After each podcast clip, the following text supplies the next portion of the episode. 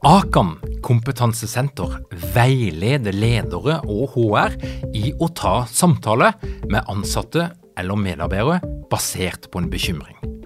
Akan setter ledere og medarbeidere i stand til å forebygge og håndtere en problematisk bruk av alkohol, narkotika, legemidler, spill eller doping blant ansatte. Ønsker du å lære mer om god forebygging og gjennomføring av samtale med en som du er bekymra for? Da kan du nå få tilgang på Akan sitt digitale samtalekurs til spesialpris, kun 760 kroner. Målet med kurset er å gjøre deg tryggere i det som kan være en krevende, men viktig samtale å ta i lederrollen. Du får tilgang til kurset med å gå til samtalekurs.no, samtalekurs.no, og bruke kampanjekoden LEDERPODDEN. Tilbudet gjelder ut april.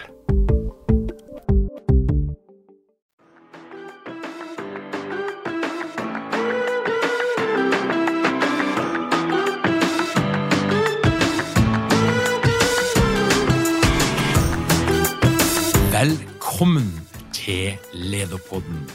Mitt navn er Tor Åge Eikrapen. Jeg jobber som organisasjonspsykolog, og dette her er en podkast om ledelse.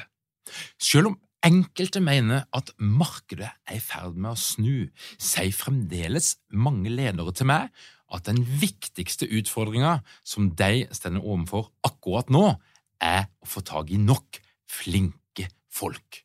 Og det store spørsmålet som mange bør stille seg, det er jo hva er det du gjør som leder for å tiltrekke deg og beholde de beste folkene over tid?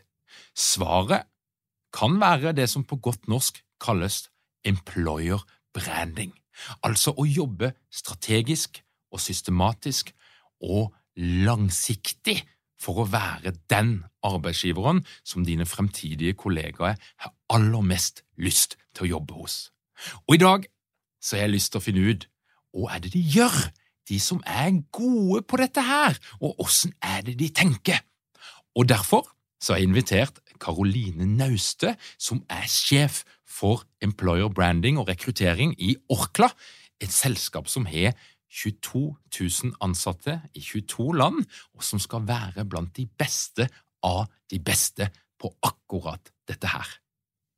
Men først noen ord fra vår sponsor. Ønsker du å lære mer?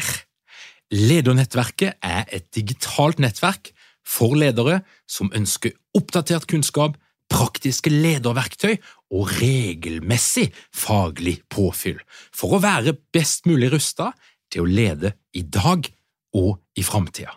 Som medlem får du hver måned møte en ny ekspert innen psykologi og ledelse i våre interaktive workshops. Du får mulighet til å lære andres erfaringer og dele dine egne. I vår digitale nettverksplattform får du eksklusiv tilgang på Lederpodden live, aktuelle videokurs, webinarer og faglige diskusjoner. Les mer og meld deg inn på ledernettverket.no. Velkommen til Lederpodden, Karoline. Tusen takk for invitasjonen. Det har jeg gleda meg til. Jeg starter som jeg pleier. Hva er det som er din faglige lidenskap som gjør at du har endt opp der du er i dag? Ja, Det er så klart ikke et enkelt svar på det, men jeg, en, hvis jeg skal prøve å være enkel, så er det at jeg er veldig glad i å jobbe. Rett og slett. Jeg får energi av å jobbe, eh, og jeg er veldig glad i å jobbe sammen med andre folk. Um, og For meg så handler det om å være med å bidra på noe. At jeg føler at det gir noe mening til noen eller flere. Eh, om det er store, kompliserte problemstillinger, om det er strategi eller mer korte operative oppdrag, så, så syns jeg det er moro. Men for meg så er det vel kanskje variasjon da, som gjør at uh, jeg, jeg, går på jobb. Men så klart, rent faglig sett så er det det å jobbe med kommunikasjon, markedsføring, strategi. Og jeg er så glad når du introduserer employer branding med langsiktighet, for det er vel ett av stikkordene. At man må jobbe med det her over tid. Eh, så for meg så handler det om at hvis dagene blir for like, da slukner min ild litt.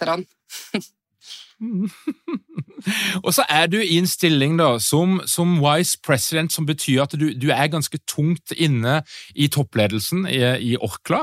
Eh, og etter en liten eh, skanning så, så, vet jeg jo at det er ikke så mange av den type stillinger i, i Norge. Hvordan, ender du opp som, som, senior wise president i, med ansvar for employer branding? Hvordan, hvordan gikk dette her til? Oi, spennende. Ja, det, det, som har ført meg til rolla, er rett og slett tilfeldigheter. Og om jeg skal være litt unorsk, så tror jeg det rett og slett handler om at jeg jobber hardt og jeg jobber mye. Jeg er målbevisst. Og selv om det kanskje er min hemsko, så er jeg ambisiøs. Og jeg liker, som jeg sa jeg liker å jobbe. Men og i det i kombinasjon med at jeg alltid har møtt på ledere som har tro på meg, som har støtta meg og styrka meg der det trengs. Så jeg har hatt ledere som rett og slett har turt å gitt meg negativ feedback, sånn at jeg har kunnet utvikle meg til å bli noe som er bedre.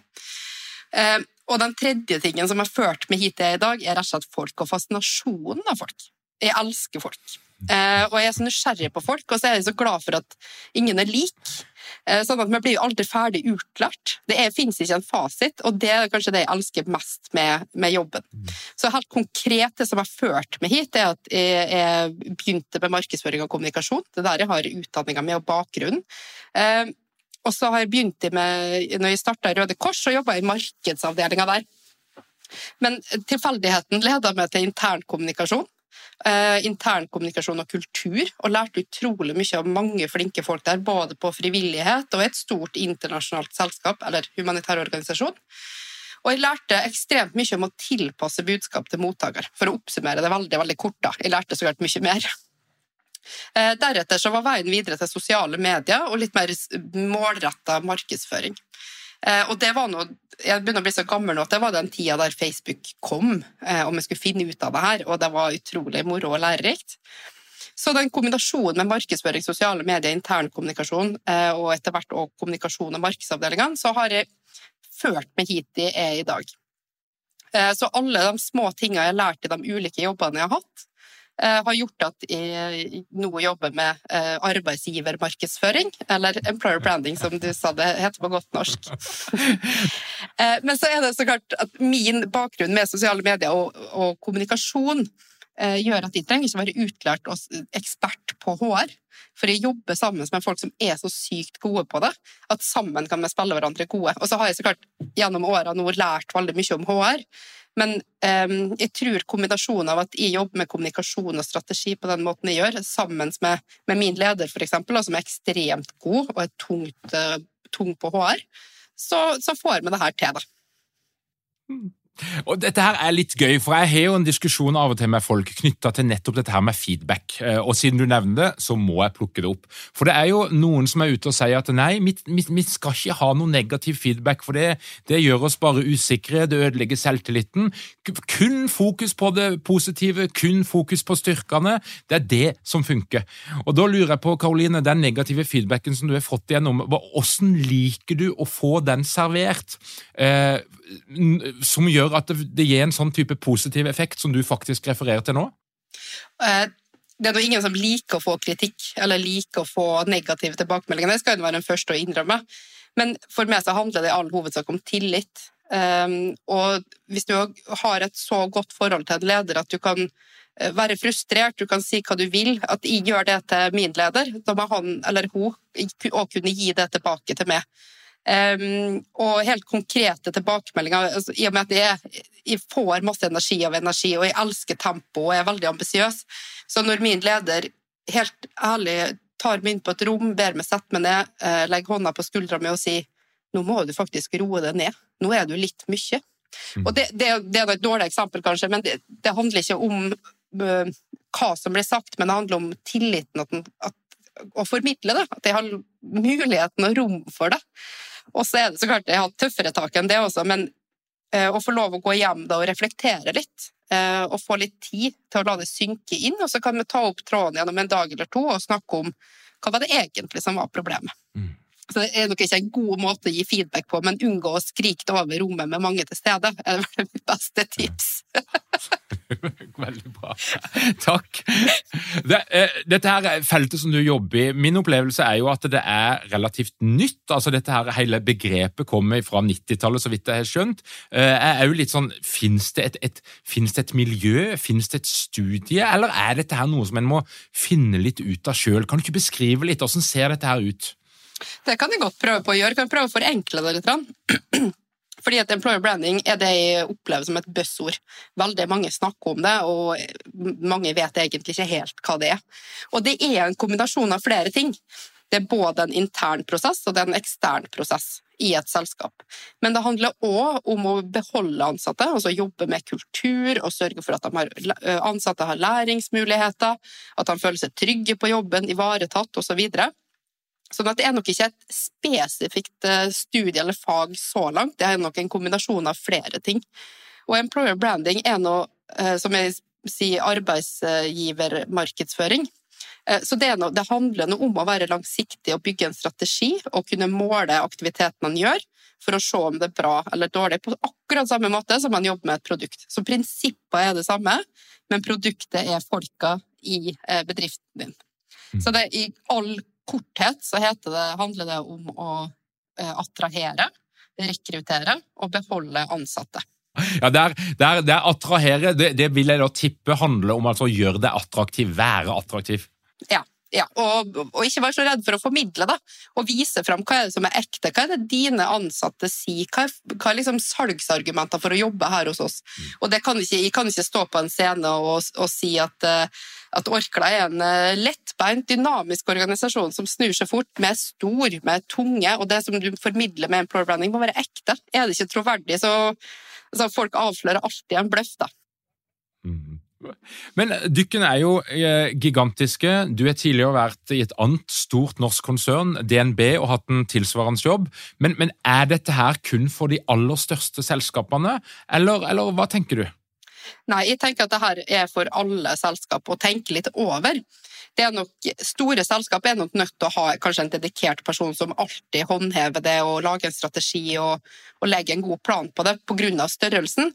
Små bedrifter skal òg eh, rekruttere mennesker.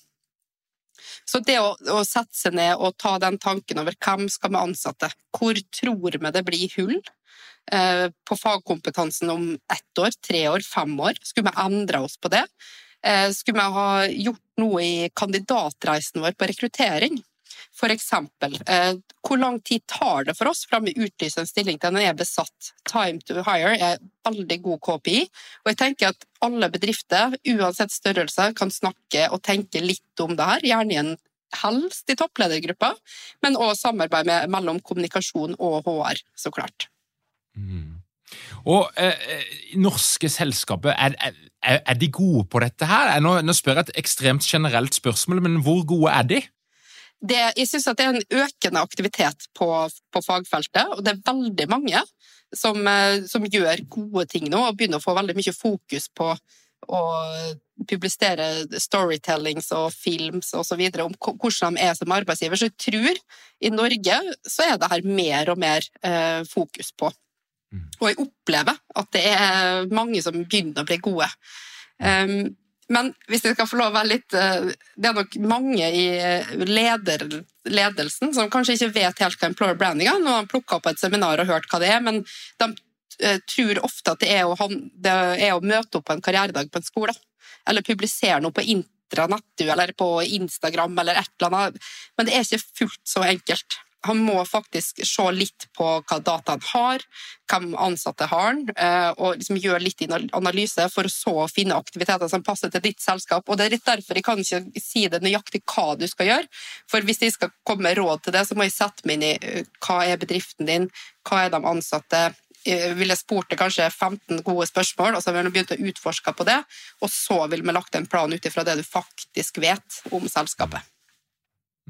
Og Da hører jeg jo at du nevner en tabbe eller en grøft som er lett å gå i, nemlig at du driver med litt sporadiske aktiviteter, og så tenker du dermed at du driver med eh, arbeidsgivermarkedsføring, som jeg nå skal begynne å si. Men hvilke, hvilke andre typer tabbe er det du ser norske arbeidsgivere gjøre i sitt forsøk på å tiltrekke seg kandidater og, og, og få de flinke folkene?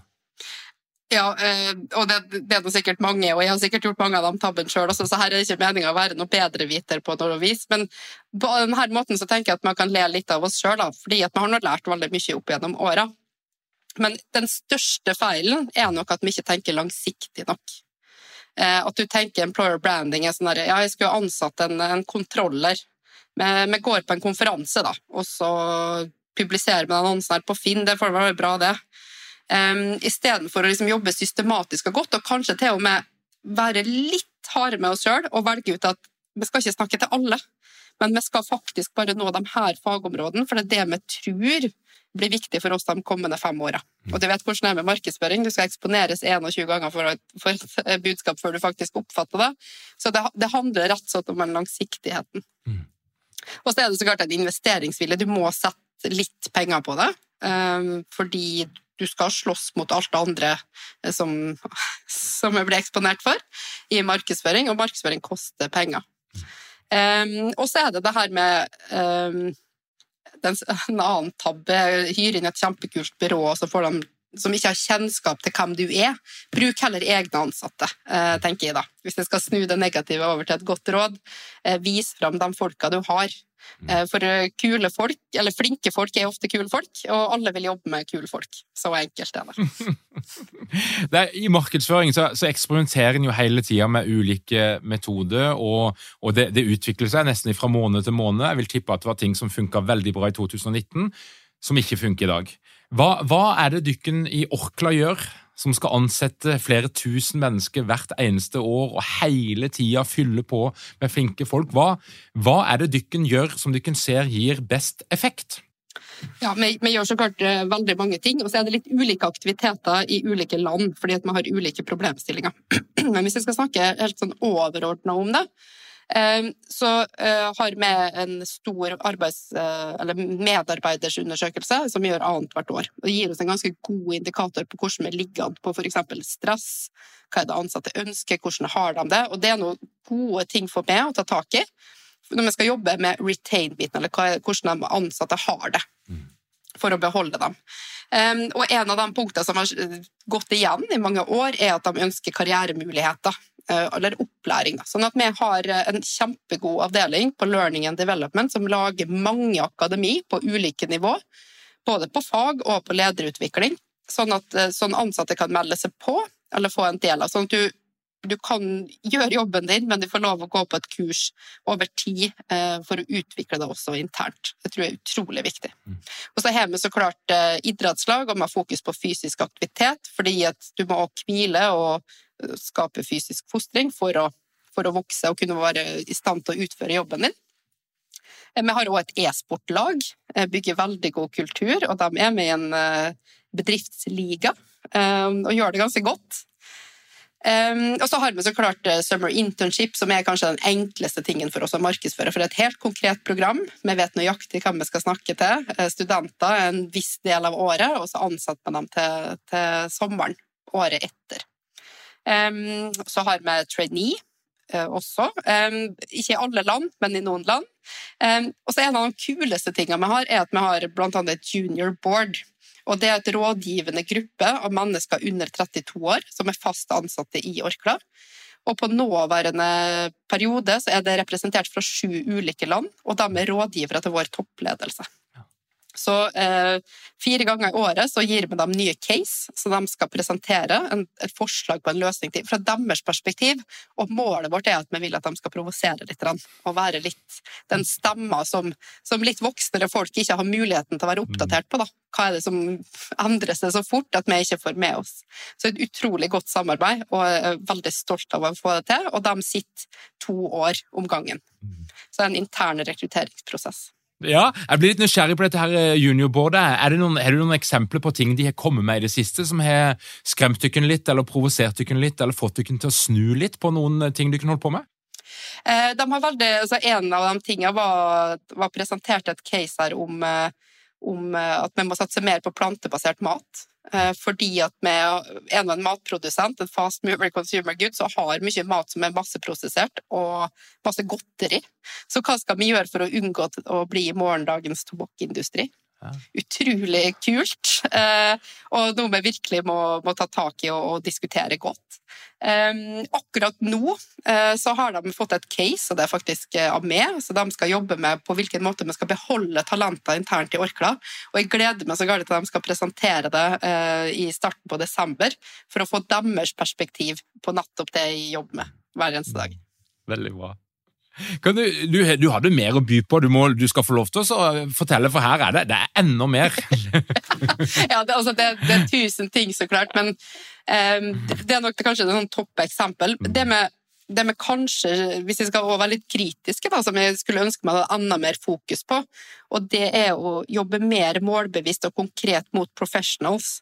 Også dem som har fem til ti års erfaring eller mer. Fordi vi ser nå et skifte i arbeidsgiver nå, at også litt voksnere folk ønsker å bytte jobb hyppigere nå enn de gjorde tidligere. Og der har vi nok ikke, vi ikke vært så systematiske og gode så det vi har vært for dem under 35. Vi har så klart lederkurs og akademi for dem òg, men, men, eh, det blir på mitt, eh, mitt målkart de neste åra å få ytterligere fokus på. Og Da er du jo fort inne i en eller annen form for mangfold òg. Altså, hvordan sikrer dere at det er eh, dere greier å treffe ulike mennesker med ulike kulturell bakgrunn, ulik alder? Har dere mange ledere uten trening eller utdannelse innen ledelse? Mangler dere en felles kultur og praksis for ledelse? Ønsker dere å være bedre rustet for fremtidig vekst og endring, da kan et internt lederutviklingsprogram være en god investering. I Execu så er vi eksperter på å designe og gjennomføre bedriftsinterne lederutviklingsprogram. Hvis du ønsker å lære mer om hvordan vi kan hjelpe dykken til å få enda bedre ledere, ta og klikk deg inn på execu.no.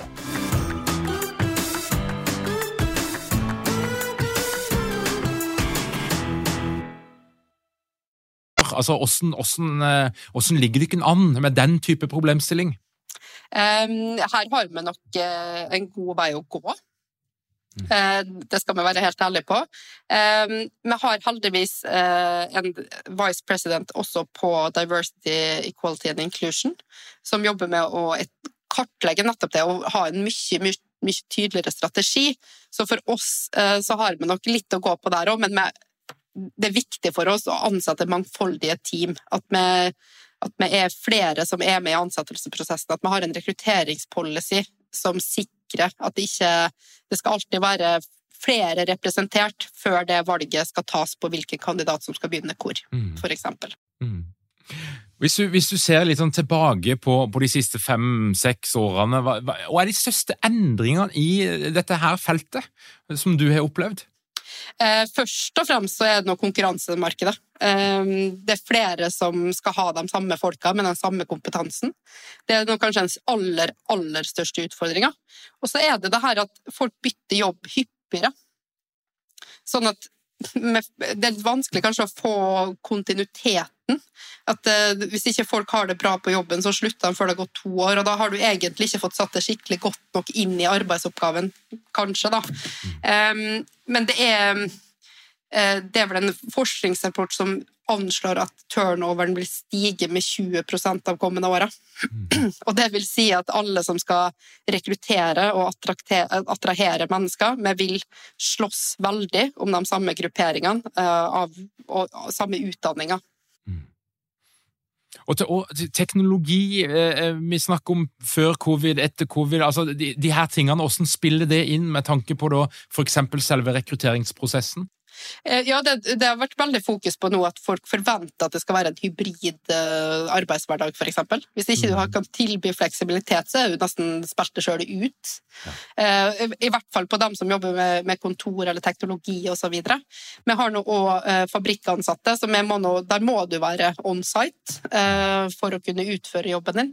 Men det, jeg merker òg en endring, og det, her er nå så klart litt spennende å se på, fordi Eh, I enkelte av våre land så har vi hatt problemer med å få folk tilbake på kontoret etter covid.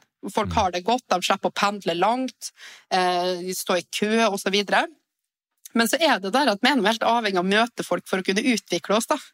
Eh, så, så, i enkelte deler av organisasjonen har vi slitt med å få folk tilbake. Mm. Og det tror jeg har endra seg etter covid, at vi, vi, tar det litt for lett. At den menneskelige kontakten fortsatt er viktig. Da. Mm. Og jeg har trua på at vi må være sammen for å få det til. Så det, det er noen sånne ting som ikke helt har svaret på ennå, og som mm. kanskje vil påvirke oss i mange år fremover. Men eh, det er i hvert fall uten tvil at vi må ha eh, muligheten til å jobbe remote eh, for dem med ansatte fremover. Det tror jeg blir veldig viktig. Og Da har vi én forventning som du sier at uh, dagens arbeidstakere absolutt har. Uh, og, og, så, kommer det jo noen sånne der, um, det kommer jo noen, noen, misjonærer fra tid til annen som forteller at nå er det en ny generasjon, og de er helt annerledes enn den forrige. og Du kan skrive ei bok om det, du kan reise rundt og holde foredrag om det. og Så begynner jeg å tenke er ikke folk folk? Altså, Hva tenker du? Hva er det som kjennetegner dagens arbeidstakere når det gjelder forventninger? Hva har eventuelt endra seg? Uh, oi, ja, som, jeg er helt enig med deg. Folk er folk. Og vi, er Vi har liksom noen, noen likhetstrekk om vi vil eller ikke. Um, og hva som kanskje har endra seg også det uh, Det må jeg faktisk tenke litt på. Men, men, det jeg ser, er at ja, det snakkes veldig mye om ulike generasjoner, og ulike behov osv. Um, men egentlig så tror jeg heller ikke der at det er så store forskjeller. Det handler mer kanskje om, om livsfase. At, uh, fordi at mange ting som blir liksom dratt frem nå på millennials, uh, kan jeg sjøl kjenne meg igjen i. At jeg var nå akkurat sånn sjøl når jeg var yngre. Men vi fikk ikke så mye fokus på det. Det var ikke så kategorisert hvilken generasjon vi faktisk var. Og så er det vel er, Når du sier det er spådd at turnoveren skal stige med 20% så er nå det arbeidsstaben totalt sett. Og jeg tror det er en økning av jobbbytter også på professionals. Men professionals, altså, da tenker jeg professionals som fem til ti års erfaring eller mer. Eh, jeg tror det er helt mye mer normalt å ha kanskje flere karrierer fremover. Eh, å bytte jobb hyppigere. Det tror jeg er likt for alle. Altså. Og alle mennesker trenger en viss trygghet. Eh, så det med å bygge tillit og spille på det menneskelige, da. være litt mm. ekte, det vil alltid være likt for oss eh, mennesker, tror jeg. Mm-hmm. Rettferdighet er òg viktig. Mm. Og så er det jo en situasjon der, der Du nevnte litt, men det med å ha flere karrierer kan jo òg foregå internt i en virksomhet. Og jeg vet iallfall at en del virksomheter ser jo at en del manuelle operasjoner blir robotifisert. Eh, det er en del som kjører kjempestore reskillingsprogrammer for å gjøre f.eks. lagermedarbeidere om til IT-spesialister, eller hva det nå skulle være. Hva, hva, hva, er det som skjer i dette feltet, som du ser i de krystallkuler? eh, igjen, her har vi store utfordringer fra ulike land. Eh, I Norge så er det å, drive, å jobbe på fabrikk og drive fabrikk en helt annen greie enn det er i f.eks. Tsjekkia. Eh, enda. Det er stor ulikhet. Det er nesten som det er 20 års eh, forskjell. Eh, så, så, her er det ulike ting. Men hvis vi, hvis vi snakker om Norge, da, eh, så har ikke vi noe spesifikke reskill-prosjekt gående. Men det er viktig å tenke at eh, eh, de ansatte du har, de er gode ambassadører, at de har muligheten til å bevege seg videre internt. Og det er de kuleste historiene finner, en av dem som har jobba i samme selskap i, i 20-30 år, men som har gjort så ulike ting. Og bytter fra ett forretningsområde til et annet er praktisk som å bytte arbeidsgiver, for det er annen kultur, eh, andre oppgaver, du må skjerpe deg litt, for du har mer ansvar, du kan ikke alt, osv. Så, videre. så det er noe virkelig noe som jeg har fokus på, et stort, stort fokusområde internt for oss, å jobbe med intern mobilitet. Eh, og så er det så klart at vi skal finne de her gode historiene, og så kan vi passe på å fortelle eh, det eksternt også, på karrieresida vår, så klart. og, eh, nå snakker vi veldig som, som at det er, det er, arbeidstakersmarked her, men det er jo òg sånn at det er mange mennesker der ute som kunne ha lyst til å komme seg inn i et selskap som Orkla. Og Da lurer jeg jo litt på, hva, hva er det dere ser etter for tida? For det, Nå kan det jo nesten høres ut som at en hvilken som helst person som er villig til å jobbe hos dere, de er velkomne, men så enkelt er det jo ikke. Hva, hva er det dere ser etter hos arbeidstakere? Um, vi ansetter så klart fra, fra produksjon til forbruker, så vi, vi, trenger alt mulig innenfor det. Uh, og det, det, det, er det som er så vanskelig med Orkla, for vi trenger alle mulige folk, og det er litt vanskelig å generalisere på det. Mm. Men eh, sånn, så, så, det faglige må også være på plass. At folk har en, eh, en utdanning eller en interesse eller en erfaring. Um, noen roller så krever vi mastergrad. Um, andre roller så kan du ha en, bachelor, og andre ganger så holder det med noen års erfaring. Sånn at uh, det er noe så klart, det er noe grunnleggende der uh, innenfor det vi skal ansette. På, det, på evner så er det ekstremt viktig for oss å ansette mennesker som er endringsvillige eller proaktive. Um, og, og, gjerne motiverte til å bidra til endring og være med å foreslå, tørre å utfordre og, og kanskje også foreslå endringer. og og tåle å få det nei-et hvis det ikke går. fordi det kan jo være at vi, vi regner ut en effektivisering, f.eks. For og så nei, forslaget ditt var godt, men det slo ikke an. Og da ikke gå helt i kjelleren, men liksom brette opp armene og, og lete til neste utfordring. Så det med endringsvillighet og kanskje ha lyst til å, å skifte rolle, også innenfor konsernet, for det kan det hende at vi vil måtte gjøre om hvem vet hva Orkla er om ti år? Mm. Kanskje vi bare jobber med plantebasert mm. mat, f.eks. Gudene vet, altså. Så det er den derre å tåle å, å, jobbe et sted der du ikke helt vet svaret. Og da blir jeg, blir litt nysgjerrig på hvordan du kan kommunisere dette. For, for det, det, jeg hører du si, er jo at hvis du, hvis du, søker på en jobb hos Orkla, og hvis du virkelig er interessert, så må du vite det at det du melder deg på nå, det er eh, en jobb som vil garantert bli endra, eh, og der du må forvente at det skjer endringer. Hvordan, hvordan, hvordan greier du ikke å få dette her tydeliggjort? Der får vi litt hjelp av media om dagen, fordi det er nå veldig mye fokus på, på kriser i verden som treffer oss ganske hardt. Eh, råvarepriser osv. Så videre, sånn at eh, vi er nok ikke så vi har, vi har, nok mye å lære der og bli enda tydeligere på det. Men eh, eh forbrukerne som kjøper produkter, er mye mer bevisste om dagen. og Det er en utfordring vi må stå i. Og så må vi tilpasse produkter sånn at de faktisk samsvarer med det kunden vil ha.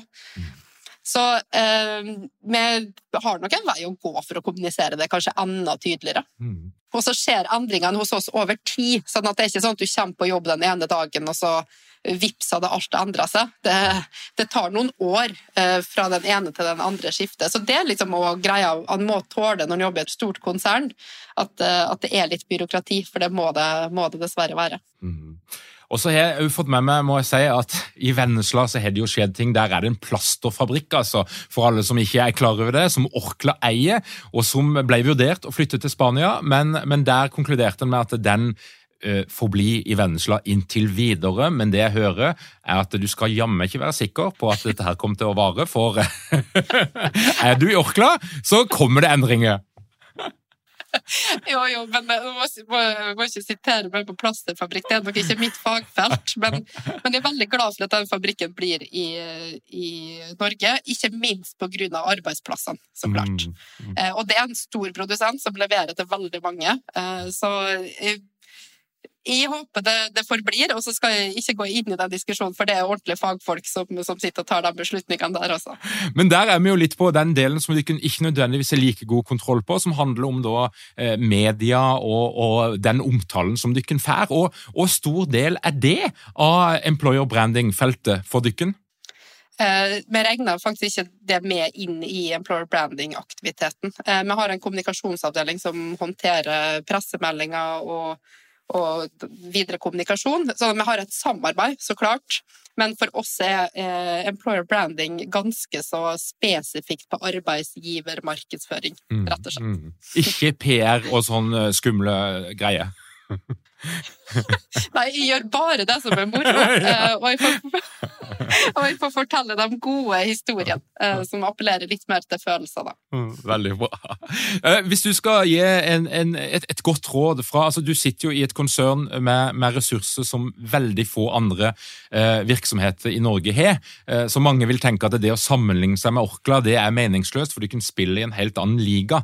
Men, men jeg tenker jo noen av prinsippene prinsippene som du lever etter og jobber etter, de er jo mulig å ta med seg inn til og med i, i mindre virksomheter. Og, og, Da lurer jeg på de eh, lederne som lytter på Lederpodden, hvilke råd vil du gi hvis de har et mål om å være enda mer attraktiv for mennesker og flinke folk som, eh, som de trenger for å gjøre jobben sin?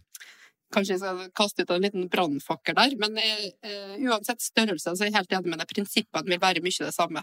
For det første så tenker jeg at HR eh, bør være representert i alle ledergrupper. Og At en tar en steik på hvor mange har sagt opp, hvor mange eh, Hva sier medarbeiderundersøkelsen, hva sier pulsundersøkelsen? Ha det som topic på hvert eneste ledermøte, og uansett hvor stor du er. Mm. Folka dine er det mest dyrebare du har, for har du ikke folk, så er det begrensa hva selskapet får utført. Så det er brannfakkelen i dag. Veldig bra. Um, og så klart uh, Og med å gjøre det, så tar han ikke sine ansatte for gitt, men han faktisk, har fokus på å beholde dem han har, og bruke dem i markedsføringa for å tiltrekke seg. Har du gode ambassadører som jobber hos deg, så blir rekrutteringsjobben òg lettere, for du trenger ikke bruke så mye penger på markedsføring fordi de ansatte snakker varmt om stedet de allerede jobber. Mm. Så det er liksom HR inni ledelsen. Mm. um, og så vil jeg så klart anbefale at de har som sak å snakke litt om arbeidsgivermarkedsføring eh, på det ledermøtet, eller i kommunikasjonsavdelinga, eller på et HR-møte. Fordi eh, det kan jobbes med på strategisk på samme måte som vi jobber med, med people strategy og, og utviklingsplan osv. Og se på de tallene vi har i rekrutteringsselskapet. Hvem har slutta? Er det noen spesielle fagområder som merkes ut? Altså, hvilken data er det man har? Og ut ifra den dataen så vil jeg satt opp noen gode KPI-er når det kommer til, til employer branding. Um, også, så sett noen konkrete mål og ha et tall. For kan vi måle det? Eh, F.eks. time to hire eller turnover, eller uønska turnover, som er òg viktig, mener jeg. Hvis vi blir målt på noe, så har vi fokus på det, og ergo vi kan være med å utvikle det. Så tallfeste ting, eh, men ikke mål for å måle. Velger du to-tre ting som du måler på samme tidspunkt eh, hvert kvartal eller hvert år, så blir det faktisk lettere å foreta endringene. Mm. Ja, Nydelige råd. Og Jeg har et spørsmål til, og det er jeg litt så nysgjerrig på. for Jeg vet at det er et begrep som heter workshop, workforce shaping. Altså den her analysen av hvilken kompetanse har vi i dag, hvilken kompetanse trenger vi i fremtida. Du kan drive med en del sånn framtidsplanlegging som gjenger ganske langt fram.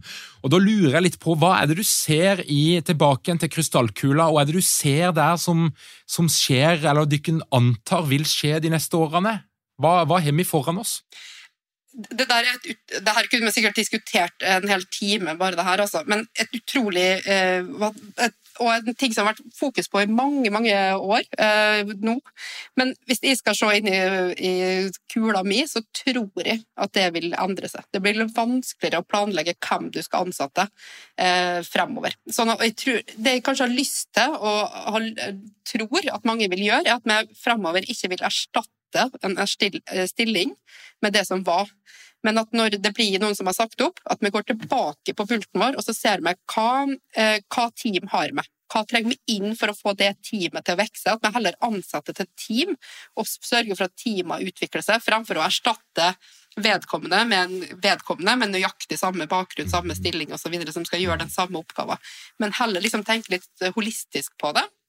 Og ikke være så kjapp med å bare bruke, gjenbruke den gamle stillinga som jeg hadde for, utlysninga som jeg hadde for fem år siden, putte på noen ekstra bullet points, eh, og så posten. For det, det funker ikke, eh, selv om vi gjorde det sånn for noen år tilbake. Her lukter det agilitet. Ja, og det er dit de vil, og det er dit de håper på at vi skal komme. Eh, så min krystallkule sier det, og så kan vi nå snakkes om fem år om jeg har tatt feil eller ikke. Karoline, mm, mm. er det noe som jeg ikke har spurt deg om, men som du har lyst til å eh, utbasunere til Lederpoddens lyttere, så har du sjansen?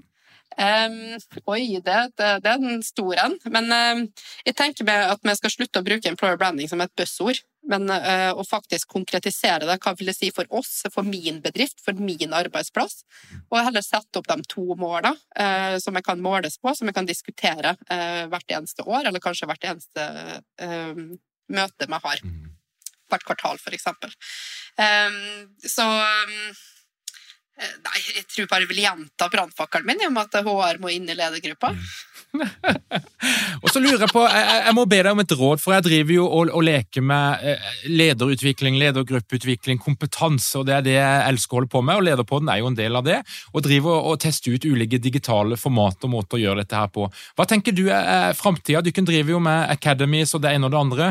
Eh, vi har vært i en periode der alt skulle være digitalt, så er det mange som sier at nå må vi gjøre det hybrid. Hva, hva tenker du, hva er det jeg bør eh, fokusere på framover i, i min lille geskjeft? Oi! Um, så, så klart spille på de styrkene du har, og du har et veldig proft rigg rundt det digitale du har. Men jeg, jeg har så lyst til at vi skal begynne å møtes igjen. Um, faktisk, altså bli litt old school. Um, jeg tror at den gode, gamle måten å utvikles på kan være å møtes, men over litt tid. Sånn at vi først investerer den tida og drar et sted, så skal det så klart gi oss noe.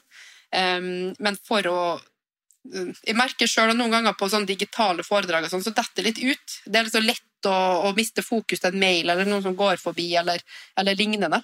Sånn at øh, Sette seg i et kursrom, gjerne over to til tre dager, øh, sammen med en ledergruppe. Få diskutert de tøffe diskusjonene, og så, så, ha det litt hyggelig på kvelden. For da blir det òg lettere å ha de, de litt utfordrende diskusjonene. Mm. Så jeg vet ikke helt om det er mer på, på fremtidsretta. Så lenge vi jobber med folk, så må vi uansett møte hverandre, tenker jeg da. Mm. Tusen takk, Karoline. Det var et godt råd til meg og til alle andre der ute. Takk for at du kom til Lederpodden. Tusen takk for invitasjonen. Og til deg som hører på, ønsker du å få med deg alt som skjer i vårt lederunivers.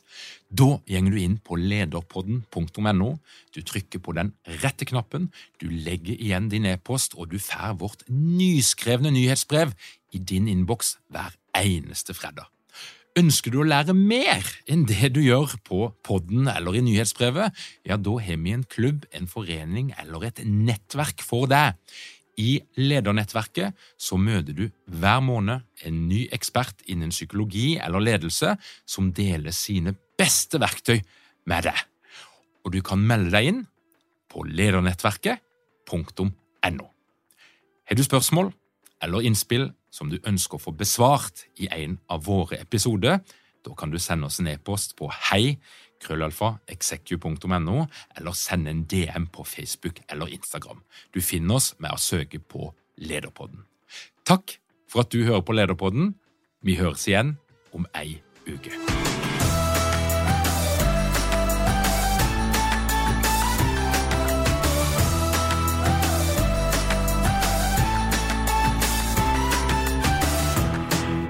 Lederpodden er gitt til deg av Execu.